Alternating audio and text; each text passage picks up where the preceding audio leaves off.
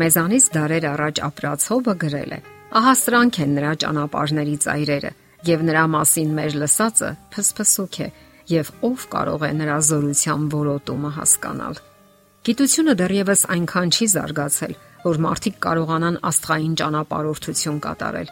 Դրա ժամանակը դեռևս կգա։ Սակայն այսօր մենք կարող ենք հոգու թռիչքով ճախրել աստղային տարածքներում։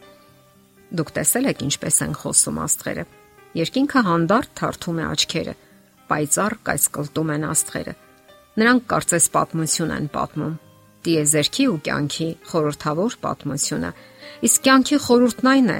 ինչը մենք դեռևս չենք կարողանում հասկանալ։ Կյանքի շատ ու շատ գաղտնիքներ դեռևս հասու չեն մարդկային մտքին, սակայն կգա այն գեղեցիկ օրը, երբ կտեսնենք կյանքն այնպես, ինչպես այն կա Աստծո նախաստեղ ծրագրում։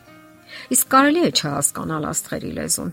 Նրանք այնքան խոսուն են։ Նրանք պատմում են այնպիսի հրաշքների մասին, որ միայն հիացնում ու դյութում են մարդուն։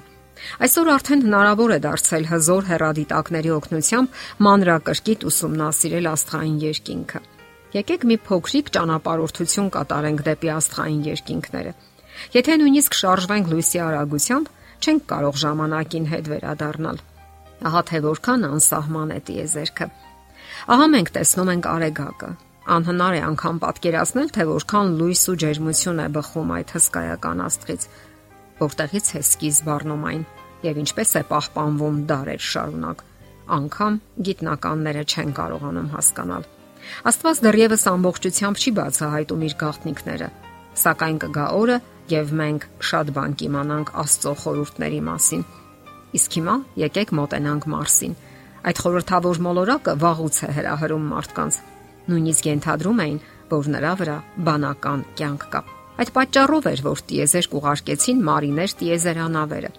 Հետո մենք հասնում ենք Սատուրնին, արեգակնային համակարգության արքային, շրջապատված հոյակապ խտացված օղակներով, որոնք հսկայական ոսկյա արբանյակի նման սլանում են գիշերային երկնքում։ Այդ օղակները կազմված են միլիարդավոր ամուր մասնիկներից։ Այնուհետև մենք լքում ենք արեգակնային համակարգը հաղթահարելով մի տարածություն, որին անհրաժեշտ է 36000 տարի, եթե շարժվենք լույսի արագությամբ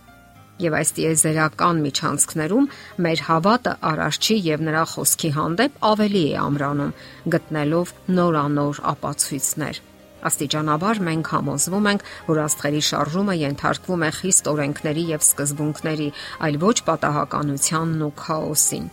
Անհեթեթ է մտածել, որ այս բոլորը հայտնվել են պատահականորեն։ Հնարավոր է մի парք տարեր շախտալ գետնին եւ սпасել, որ դրանք ինքնուրույն կդառնան բարեր, նախադասություններ ու տեքստեր, կամ էլ գրքեր՝ լի ամենատարբեր գաղափարներով։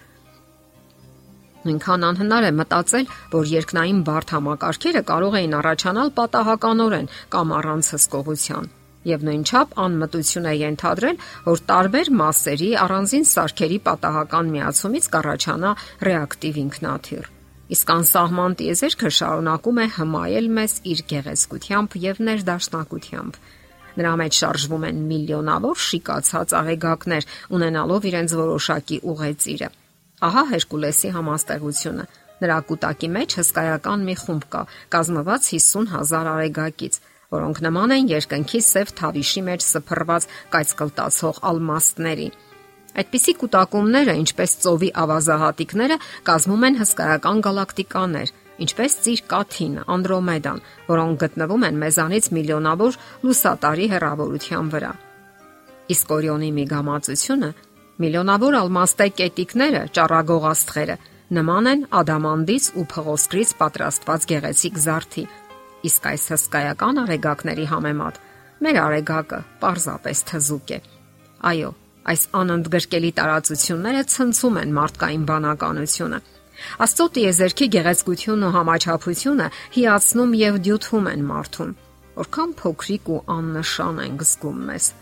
Սակայն մենք շատ կարևոր ենք Աստծո համար, չէ՞ որ այդ ամենի կողքին նա ստեղծել է նաև մեզ։ Կարդանք այս ներշնչված տողերը։ Երբ տեսնում եմ քո երկինքը, քո մատների գործը, լուսինն ու աստղերը, որ դու հաստատեցիր, ինչ է մարդի worth-ին, որ դու խնամք ես տանում նրա համար։ Սակայն Աստված միշտ հիշում է մեզ եւ ուշադրության արժանացնում։ Երբ հիվանդագին զգում ենք մեր ոչնչությունն ու չնչինությունը, եկեք հիշենք փրկչի խոսքերը։ Չէ՞ որ երկու ճնճղուկը մեկ դանկի են ծախվում եւ նրանցից մեկը չի ընկնի գետին առանց ձեր հոր։ Ուրեմն մի վախենակ, դուք շատ ճնճղուկներից ավելի լավն եք։ Այո, Աստված կառավարում է երկինքներում։ Նա է ամփոփող ուղեծրերով շարժման մեջ դրել աստղերը Սակայն հզոր Աստծո ծրագրի մեջ է նաև փոքրիկ ճնճղուկը։ Մենք առավել եւս Տիեզերքի անընդգրկելիությունը եւ ժամանակի հավերժությունը չպետք է վախեցնեն մեզ, որովհետեւ մենք փոշու մի հյուլե չենք երկնային քաոսում առանց նպատակի ու իմաստի։ Մենք անսահման Աստծո ամենայն գոյի արարչի զավակներն ենք։ Իսկ հիմա ժամանակն է հասկանալու, որ հենց փոքրիկ մարդն է կարողանում հասկանալ ուսումնասիրել, հաշվարկել ու գնահատել աստղերի զարմանալի հատկություններն ու տիեզերքի անսահմանությունը։ Մարդը կարող է անել այն, ինչը չեն կարող անել աստղերը։ Նա կարող է մտածել, տեսնել ու հասկանալ Աստծո գործերն ու հրաշքները։ Տեսնելով Աստծուն ու նրա գործերը, հնարավոր է արդյոք չհիանալ ու չփառաբանել նրան։ Մենք, որ նրա արարչագործության պսակն ենք ու զարթը, հենց դրա համար ենք արարված, որ փառաբանենք Արարչին եւ իմանանք, որ մի օր տեսնելու ենք նրան իր ողջ փառքով ու զորությամբ։ Իսկ այդ օրը հերո չէ։ Եթերում է ղողանջ հավերժության հաղորդաշարը։ Ձեզ հետ է Գեղեցիկ Մարտիրոսյանը։ Հարցերի եւ առաջարկությունների համար զանգահարել 033 87 87 87 հեռախոսահամարով։